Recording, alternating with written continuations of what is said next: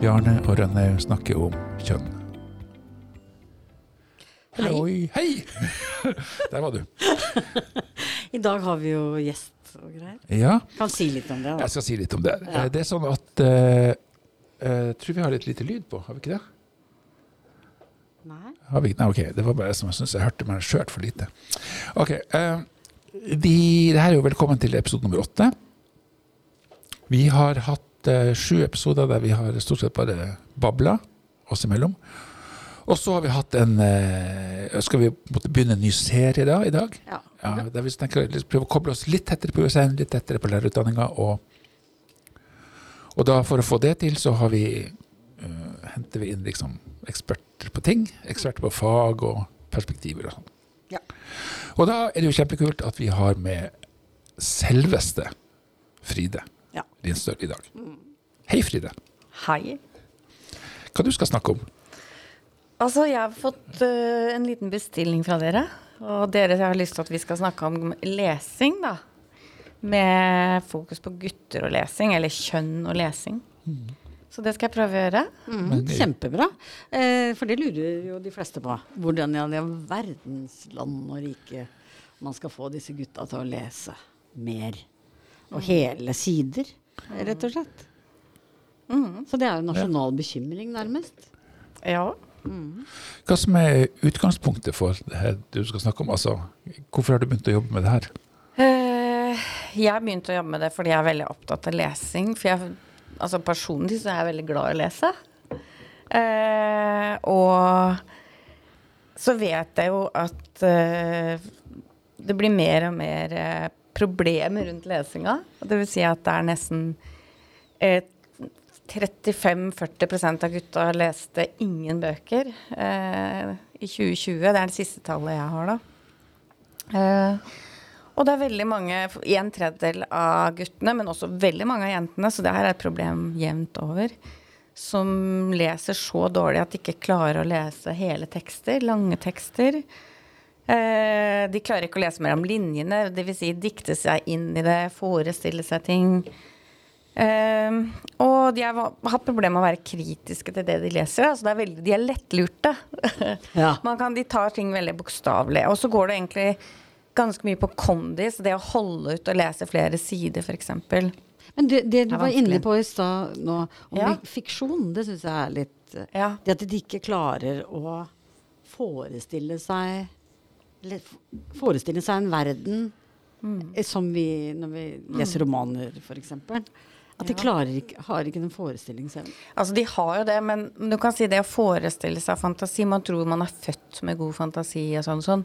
Men det er rett og slett noe som trenes opp eh, gjennom lek, gjennom å, å leke når du er veldig lite, men også det gjennom å lese at du øver på å se for deg det du leser som et sted, en person osv. Og, så og så må du jo huske det, for det er jo veldig slitsomt hvis hver gang du tar opp boka, hvor var det igjen? Og så klarer du ikke å huske de bildene du, indre bildene du har lagd. Eh, og det viser at eh, det å lese er så komplisert for hjernen, rett og slett, at man kan nesten se for seg at det er eh, tre landsbyer inni hodet. Den ene er på å se på bokstaver og gjøre det om til mening. Det er det visuelle. Eh, det er i forhold til det med å, å med muntlig språk. Og de, de tre stedene er ikke forbundet sammen naturlig. Det er ikke noe vei mellom de naturlige. Du kan tenke seg at det er bare grøft, det er bare søle. Eh, og når du trener, så lager du koblinger mellom de tre stedene, og det er det som gjør at du klarer å lese og holde fast i de forestillingene du bruker da, eller får når du leser. Og da må du rett og slett lese ganske mye. Ja. For å øve deg. Øve, ja. Mm, sånn som egentlig alt annet. Eh, Det er som kon lese, jogge, altså lese kondis. Mm. Spennende. Ja. Syns jeg òg. Ja. Men hvordan skal vi Altså, nå er jo unge gutter i dag utrolig glad i å trene og øve seg Ja. på fysiske ting. Mm. Så hvordan skal man da inspirere dem til å eh, gjøre Få kondis på lesing? Nei, altså Det er jo forskjellige råd for det, og det er ikke noe quick fix, for da hadde vi bare gjort det. Men eh, jeg tenker at eh, hvis man skal snakke til lærerne da, først, så, så handler det om å ha, akkurat som med kondis og trening, så er det å ha varierte treningsprogram. Eh, ikke bare sånn at du måler tid og antall sider og hyppighet, men at lesing handler først og fremst om at du blir, lærer noe, blir overraska, det er skummelt, det er spennende, til og med ulovlig. Vi, vi leste bøker fordi det sto om ting vi ikke fikk andre steder. Vi hadde jo ikke Netflix heller, men det er jo det samme at du må jo føle når du leser. Det er det som er motoren i lesingen, da. Mm.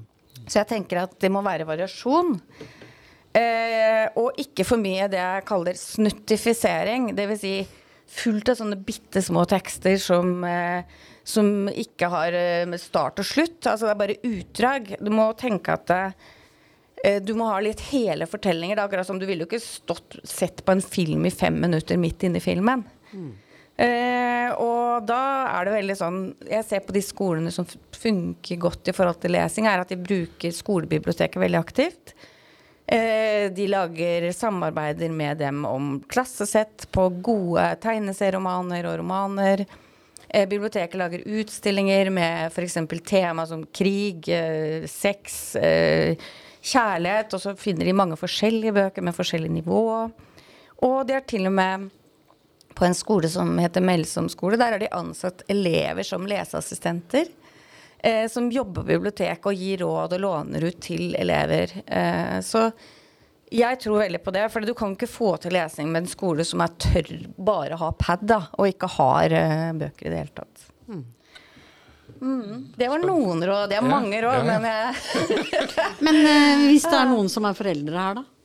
Ja jeg tenker at det å være foreldre er jo eh, alle det er veldig, Vi vet jo at mammaene ofte maser veldig mye om lesing, kjøper bøker, holder på. Eh, men jeg tenker at det hadde jo vært fint eh, at far eh, også eh, leste både leste høyt, men også hadde en bok istedenfor å være på telefonen. Fordi det forbildet du får av Det sier gutta sjøl òg, at det at pappa leser aldri, hvorfor skal jeg lese? Det at, at de ser en, en, mann som leser, har stor betydning, da. Um, så er det jo sånn at gutta er veldig glad i å game, Eh, og jentene er veldig glad i sosiale medier. Og det er jo ikke så svart-hvitt, men det er i hvert fall det. Eh, og der er det jo liksom raske bilder og skift og scrolling og alt som er kjedelig, kan du hoppe over og sånn. Eh, sånn at jeg tror jo at vi må forhandle litt og si at OK, to timer spilling, én time lesing. Altså, du må rett og slett bestemme noe også. Kanskje lage en situasjon rundt det som er hyggelig rundt lesing. At man leser noe sammen, eller eh, Og sier noe om at det er viktig at du leser, og nå gjør vi det. Men det kan ikke være, lesing kan ikke være som tran heller. Det kan ikke være en straff. Nei, eh, absolutt ikke. Nei, for det blir jo helt feil. Så vi kan tenke at leselyst det er ikke noe du bare får sånn eh, rett over bordet. Det er noe du får gjennom å lese, og da må man jo lese litt for å få det. Mm. Ja. For jeg husker jo i hvert fall når jeg leste som barn, mm. eh, og så var det jo rett og slett en slags uh, nytelse i det. Ja. Altså det var en sånn derre For det første, det du sier med at det var hemmelig, da at det var noen temaer, og jeg lånte bøker av ja. moren og faren min mm. som var voksenbøker, og sikkert ikke så bra å lese de så tidlig, men da var liksom jo, da. Man lurka seg ut ja. av bokhylla, ikke sant, og så mm. under dyna og sånn. Og jeg kunne jo Jeg husker jo jeg var veldig kjedelig å være sammen noen ganger. Altså fordi jeg, hvis jeg så liksom en tegneserie eller en bok eh, hos noen, så var det bare sånn Oi. Så jeg husker liksom eh, det som en sånn eh, så sterk kraft, da. At jeg på en måte lot være å gjøre andre ting. Jeg husker vi skulle på stranda en gang, så lå det en bok eh, hjemme hos venninna mi, og så sier eh, Tror du jeg kan låne den boka? Nei, jeg vet ikke. Jeg tror mamma leser den. Mm. Ja, jeg, ja, men jeg kan ikke bare Jeg sitter her litt, jeg. Bare gå, dere. Og så, var, så endte jeg opp med å sitte da hjemme i stua til venninna mi og lese ferdig den boka. Ja. Men jeg tenker jo det med bøker er jo Man kan ikke være for jålete når det gjelder bøker. At man sier at dere må lese bare klassikere, eller heller ikke bruke din egen smak da du var ungdom. For det gjorde jo jeg mine barn. Kom med liksom Katitzi-bøkene og romantikkbøker, så de syntes var så barnslige. At de, de, de har helt andre referanser gjennom de seriene de ser og sånn. Så jeg tenker ofte så sier jeg til klasser og sånn at denne boka tror jeg kanskje er litt for drøy for dere. og da, da, er det veldig mange som uh, vil lese den, da. Jeg fikk jo ikke um, På, på Skjervøy folkebibliotek så hadde de et eksemplar av 'Haisommer' som roman. Og da jeg var 12 eller 14 år, så jeg fikk ikke lov å lese den. for hun på biblioteket mente at det måtte være minst 18-årsgrense. Men jeg fikk lest den. Ikke sant? I smug. Ja, ja, ja. ja, på Og jeg, vi må slå et slag for smuglesinga, for jeg tenker at hvis man klarer å få mobilen ut av soverommet om kvelden når, når uh, ungdommene legger seg, eller barna, eh, sier at de kan lese, og gjerne være da ha lyset lengre på, så tror jeg også det blir litt mer lesing av det. Ja, det tror jeg òg. Ja. Og så jeg leste under pulten på videregående. Ja. Og da husker jeg jo norsklæreren min sa det at jeg ser. Jeg kjeda meg så fælt, vet du. Ja. Så det tenkte jeg jeg må gjøre, leste jeg. Og, og no, men noen ganger var det også at jeg var i, midt i en bok som jeg ikke kom ut av på et eller annet vis. Og så sa hun jeg eh, ser at du leser under pulten. Sa hun. Men det er såpass god litteratur at det er helt ok i norskundervisningen. Og det handler jo litt om læreren, da. At hun på en eller annen måte uh, anerkjente for så vidt at jeg leste, men også eh, at uh, Og så ga hun meg tips, til og med. For hun sa du sitter jo tross alt Og du forstyrrer jo ingen, da.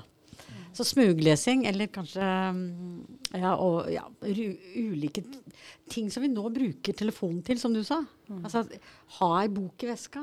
Ha, Men du vet at de ser på, mest på Game of Thrones nå i klasserommene rundt omkring, og heller smug, de smugkikker på nett. ja.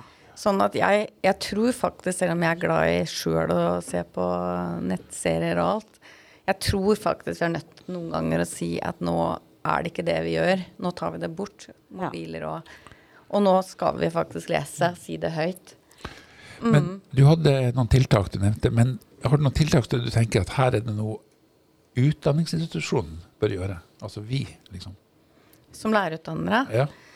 Altså, nå, jeg holder på med et prosjekt nå som heter Leseløp. Eh, og det handler rett og slett om god leseundervisning i alle fag. Eh, og da driver vi og prøver ut og lager sammen med lærerne, Sandefjord kommune da, som er med, eh, god leseundervisning som kan løse leseproblemer som fins. Vi vet fins. F.eks. i matematikk så er det å lese tekstoppgaver i matte. Der er mange syns det er kjempevanskelig. De skjønner ikke hva som er viktig, og epler og pærer og bananer og holder på. Så vi lager sånne leseundervisning som trinn for trinn kan vise noen mulige veier inn i teksten. Veldig konkret. Og det vi gjør, er å prøve det ut sammen med lærerne og snakke med elevene. Hva syns de? Og så, ut ifra de erfaringene, så lager vi digitale leseløp. Dvs. Si, eh, eh, digital ressurs der du kan gå inn og se på leseundervisningen og se på hva elevene sier, hva læreren sier, og få eksempler på god leseundervisning i flere fag. Og det skal bli nasjonal og åpen ressurs, da. Så det holder vi på med nå. For det vi kan gjøre er å Vi kan ikke tenke at lesing er noe som bare kommer til å skje. Vi, altså Studentene våre sliter veldig med å lese akademiske tekster. Det er noe vi må jobbe systematisk med. Og istedenfor å bare dele ut masse ressurser hist og pist, så tror vi veldig på å lage undervisning der lesing sammen i en kollektiv også blir systematisert, da. Det er det jeg er opptatt av, i hvert fall. Og det tror jeg vi kan gjøre her. Ja, for jeg tenker eh, det handler jo også om eh, å lese samme tekst. Ja. Og snakke om teksten. Ja. Som jeg tror er eh, Altså, før så hadde vi så vi på TV på samme, altså, mm. vi så på samme ting og sånn. Nå er det nesten ingen man kan eh, snakke med, annet enn de hypene som du snakker om med Game of Thrones og sånn. Ja. Så jeg tror jo det å snakke om en bok Ja, vi gjorde, jeg gjorde akkurat et prosjekt med en bok eh, i, på niende trinn i en, eh, skole, på en skole i Sandefjord. Og da gjorde vi alt sammen. Leste noe, vi skrev, vi gjorde noe greier i rommet, noe muntlig. Der vi jobba sammen om teksten. Og det som var viktig da, er at det de ideene som elevene har, og tankene de får, er viktig for fellesskapet. Fordi hvis læreren egentlig står og bare er sånn på virkemiddeljakt, da, og bare er opptatt av at noen skal si noen eh, kloke metaforer og svare på budskapet på en riktig måte som den læreren har lært på norsk grunnfag sjøl, så blir det dårlig stemning. Men det at vi faktisk det kollektivet og de erfaringene elevene har med temaet, er viktig. Da blir det veldig gøy. Og de elevene sa etterpå, særlig gutta, at de likte det veldig godt, for de opplevde at selv om de ikke var så gode til å lese og hadde så mye sånn smarte litterære analyser, så syns de at uh, det var gøy å høre andres ideer og sine, få lov å si de høyt og bli anerkjent på det. Så det tror jeg er viktig, da. Og så er det jo utrolig mye bra bøker som skrives. Veldig mye. Og hvis man skal være sånn eh, Man må jo få lov å ha litt sånn ubekvemme tekster, som jeg kaller det. De tekstene som er litt vanskelig med litt motstand, bør man jo jobbe med sammen. For det skal du jo gjøre på nasjonalprøve, f.eks. Men hvis man ønsker å ha mengdelesing, så kan man jo gå på utlånsstatistikkene. Det ligger ute på nett. Og da kan man se hvilke bøker elevene selv leser. Eh, og sørge for at det er masse litteratur i klasserommene. Det er fullt mulig, og du kan eh, samarbeide med biblioteket og få eh, bokkasser med bøker om krig, f.eks., og ha det i klasserommet som en, et prosjekt. da. For da er veien kort. Eh, og da snakker elevene om, med hverandre om litteratur. Man snakker jo gjerne om mengdetrening i lesing. Ja. Eh, har du noen tanker knytta til det som skjer nå over det ganske land med leksefrie skoler og lesing? Eh, altså, jeg, jeg, jeg vet ikke. Jeg, jeg har ikke noe klart svar på om det er lurt eller ikke. Men jeg tror at en ting man kunne brukt lekser til, faktisk, er jo det med lesing, da. For det er noe du kan gjøre alene, og du kan få til foreldrene bare at de er i nærheten rundt deg og sørge for at det skjer. Det tror jeg er en ganske grei måte å få opp mengde på. Ja, fordi at fra, um, fra småskole som jeg kjenner til, så er det Mm. lærere som uttrykker at det er et problem. At uh, når det ikke er lesing hjemme, så Ja. må det gjøres på lesekvarten. Og det, uh, altså, det, må, det må tas inn på andre steder. Ja. Og derfor har mange skoler begynt å ha et kvarter med lesing i, i mange timer og sånn, og det er jo veldig bra. Men jeg tenker at det er jo noe veldig hyggelig hvis man kan få til å lese noe hjemme, og at det blir litt Ikke sånn hele tida, men litt. Så tror jeg det kan være noe fint som foreldre og barn også kan snakke om, da. Eh, en fin opplevelse sammen. Eh, for det må faktisk til, og det kommer til å gjøre vondt inni hodet. For det, det skal lages en vei mellom disse landsbyene, og det gjør vondt. Helt til det er på en måte nok trening til at det flyter lettere og Ja. Men i forhold til sånn eh, Tidligere så var det jo sånn at eh, lærerne leste ofte høyt. Ja. Mens barn spiste, f.eks. Ja. Jeg husker jeg syntes det var så koselig. Ja. Eh, og særlig når det var vinter og sånn, og satt med stearinlys og litt sånn forskjellig. Eh, men nå er det supernytt, og det er, eh, altså lærerne på en måte har abdisert litt i forhold til det å være eh, sånn rollemodell, eller hva vi skal si. Ja. Nei, altså jeg tror det har snudd litt. Altså Når jeg ser ute nå, så ser jeg veldig mange som bruker les, eller lunsjen til å lese høyt, snakke, og lage det til en fin stund. Jeg, det tror jeg begynner å endre seg, at jeg slutter med å bare se på, på skjerm. Det har vært et tema i avisa overalt, så yeah. det er heldigvis så ser det sånn ut. Ja. Flott. Er du fornøyd? Ja, ja dere er fornøyd? Ja, Ja, ja, ja. Jeg følte at jeg var på muntlig eksamen. Ja, ja, ja. Det var ikke meningen, altså. Nei, det er Vi gøy, kan- det. Det er lenge vi- siden. Vi, kan jo ikke, vi kan jo ikke så mye om dette. Det er jo derfor vi har Ja, veldig glad for å snakke om dette. Men veldig bra- bra du kom, Fride, for det var veldig fint. Du virker veldig klok. Sier du det til studenten din når jeg Aha. Men eh, når vi er Ja. inne på bøker, skal du snakke om en bok? Ja, jeg har ikke fått lest så mye i den, men det er en bok jeg har venta på veldig lenge. Og det er eh, Sosiologer er jo litt opptatt av metoder, da. Ja. Eh, Det er ikke alle som syns dette, så jeg skal ikke snakke så veldig mye om det. Fordi det kan bli litt sånn tørt og veldig sånn sært på en eller annen måte. Men dette her er en, eh, en eh, metode som heter institusjonell etnografi. Og nå har det kommet en bok som heter da det samme, da. Institusjonell, etnografi. En innføring. Av Ann-Kristin Nilsen og Janne Paulsen Breimo. Og dette er særlig Altså, jeg traff på denne metoden for mange år siden. For jeg hadde en professor i sosiologi som het Karin Widerberg, og hun er på en måte eh, den eh, som har innført denne metoden i Norge. Og det er Dorothy Smith, som er en feministisk eh, sosiolog. Opptatt av strukturer. Rett og slett eh, eh, litt sånn oppgjør med postmodernisme nå. eh, og det liker jo jeg for så vidt. Dette er en sånn innføringsbok som dette er en metode som er veldig god på å, å bruke innenfor profesjonsstudier. Fordi det handler veldig i stor grad hvordan er det strukturene, altså styringsdokumentene som vi har i lærerutdanning, hvordan er det de påvirker vår praksis som profesjonelle lærere, f.eks. Altså hva slags uh, Hvordan er det vi gjør jobben vår? Er påvirka av ulike måter. Sånn, hvor mye vi, som vi har snakka om, hvor mye kan man skrive i Kristin? Og, og hva, hva, er det som teller, hva er det som er meritterende og sånn. Og uh, for 25 år siden, når vi starta her uh, på bruket Fride, så snakka vi ikke så mye om sånne type ting. Uh, sånn at det er et eller annet med de strukturene som, som, påvirker oss, men vi vet ikke helt hvordan de påvirker oss. Og denne metoden er en måte å liksom si noe om det, da. Maktstrukturene. Men jeg oppfordrer alle da som er litt sånn opptatt av uh, nye metoder. Uh, og jeg har veldig lyst til å bruke den når jeg skal veilede mastere, f.eks. Eh, hva det var det sa boka het? Den het 'Institusjonell etnografi. Ja, okay. En innføring'. Ja, ok.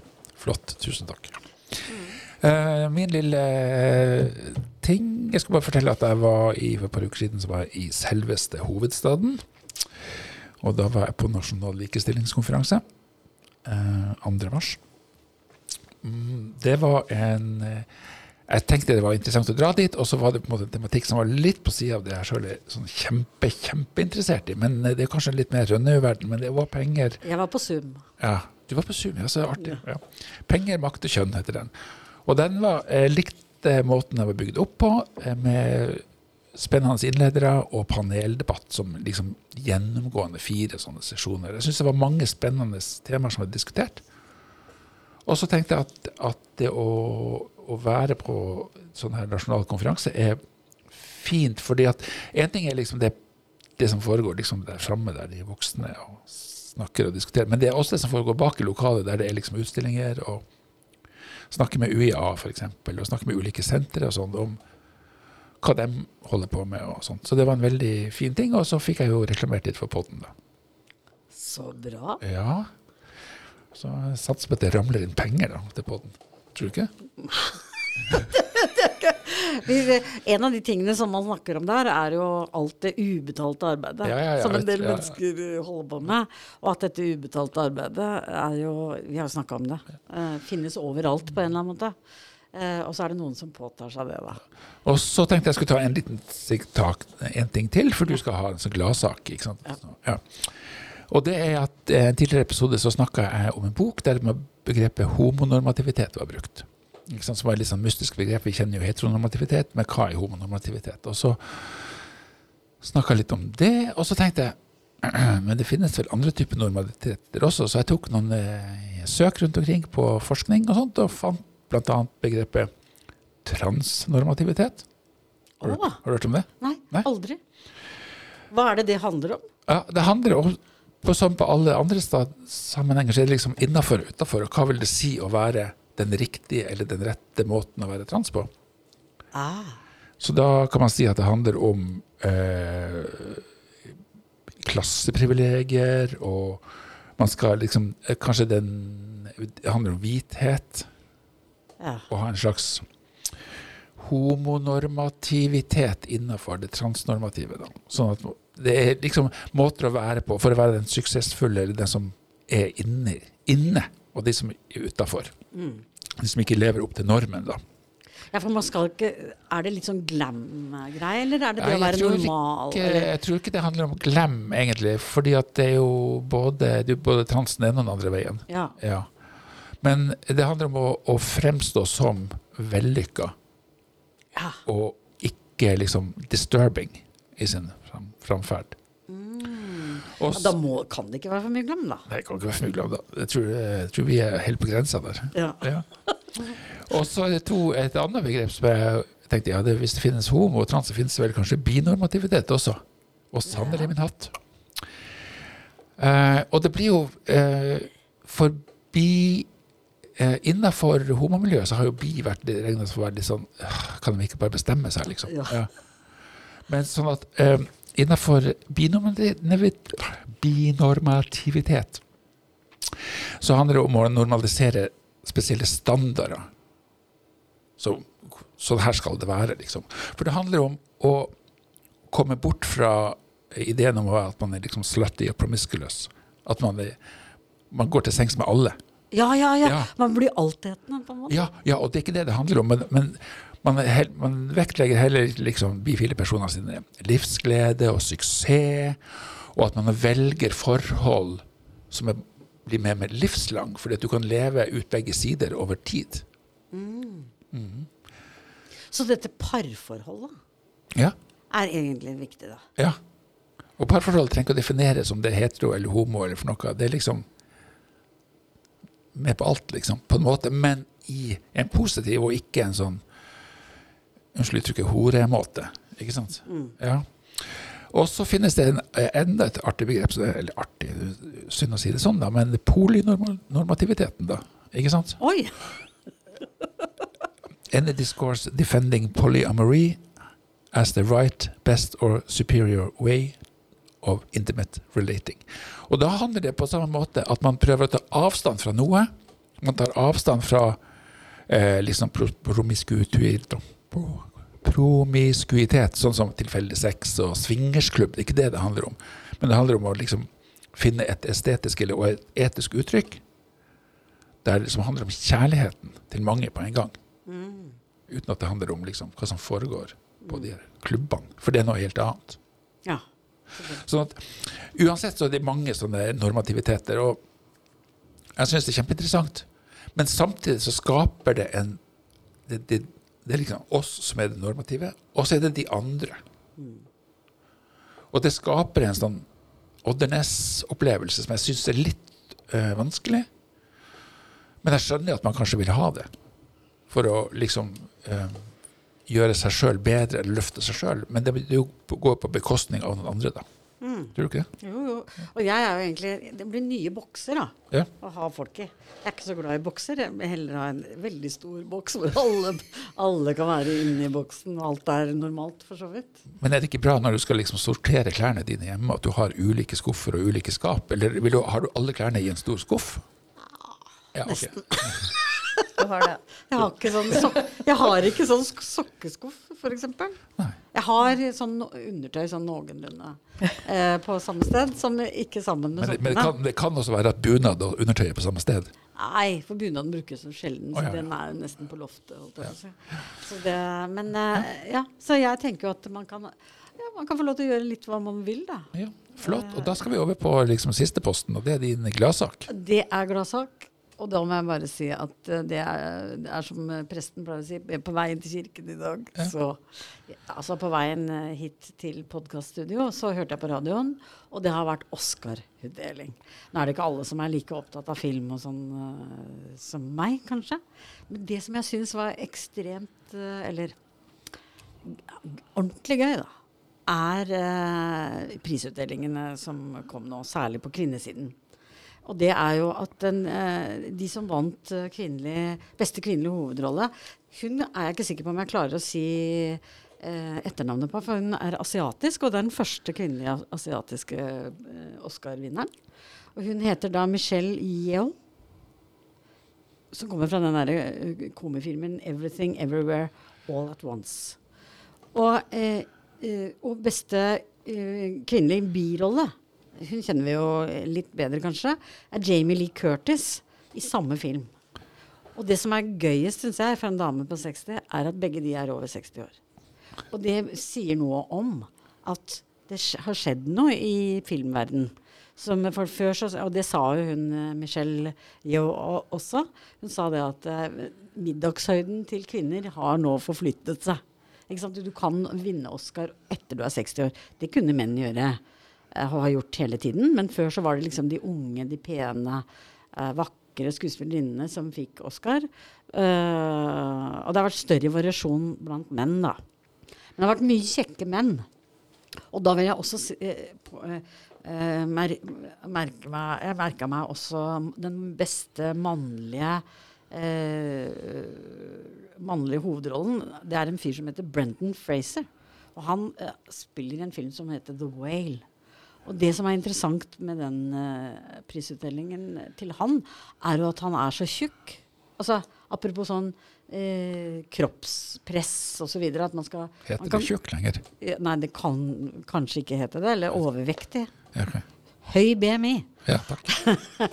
kan vi si da. Og, sånn at eh, jeg tenker jo at det her Nå syns jeg på et eller annet vis Oskar har eh, skjerpa seg, altså. Det er blitt uh, litt eh, gøyere. Det, det jeg ikke er så begeistret for, er eh, at man har ikke rød løper, men champagnefarget eh, løper. Altså, det heter rød løper av en eller annen grunn, da. Ja. Så det er den kritiske tingen. Eh, så er det jo også, kan jeg anbefale en film som kommer nå ganske snart, eh, som fikk Oscar for beste adopsjon. Apropos bøker. Ikke sant? Altså, dette er fra en uh, bok, og den heter 'Women Talking' av Sara Polle. Eh, den ble vist i Horten på 8. mars. Oi, Ja. Så, men kommer snart til en skjerm nær deg. flott. Ja. Yes. Er det noe du vil uh, komme med en siste sånn assosiasjon Ja, altså det er ikke så lett å lage en bro fra alt det fine dere har her over til lesinga igjen. Nei. Det er ikke sikkert de som hører på er, så, er der fortsatt. Men hvis jeg skal si noe, da. Det, dere er jo litt opptatt av oss og de andre og sånn. Eh, så tenker jeg at eh, det med lesing er på en måte en veldig sånn oss og de andre-greie. Ikke bare fordi at alle må lese bøker, for det er ikke sikkert det er så viktig for folk, eh, eller alle folk. Men hvis det med lesing handler om kritisk tenking, det handler om delta i samfunnet, det handler om å gjennomføre videregående, det handler om arbeidslivet ditt. For veldig mye av dette med lesing gir eh, Hvis du ikke fikser lesinga, så er det mange andre ting du heller ikke fikser. Og det tenker jeg er veldig viktig. Og jeg, dere er jo opptatt av Oscar og kvinner, og det er kjempebra. Men jeg tenker at akkurat i denne saken så må vi være opptatt av alle, også gutta. Eh, fordi eh, det er viktig at de li, har like muligheter i eh, studier og arbeidsliv som jentene. Så derfor vil jeg liksom si eh, I hvert fall hvis de skal lese et, disse bøkene som dere anbefaler, og disse maktsakene som dere også legger frem som viktige, da. Så det kan jeg godt si når jeg har hørt på dere nå. At eh, det skal kunne leses litt før man, og tenkes litt kritisk for å kunne ta inn dette. Ja. Mm. Takk skal du ha, Fride, Takk. for at du kom. Takk for at jeg fikk komme. Veldig fint å være her. Og takk Yes. for i dag, da, Takk for i dag. Bjarne. Takk for i dag, René. Skal jingle.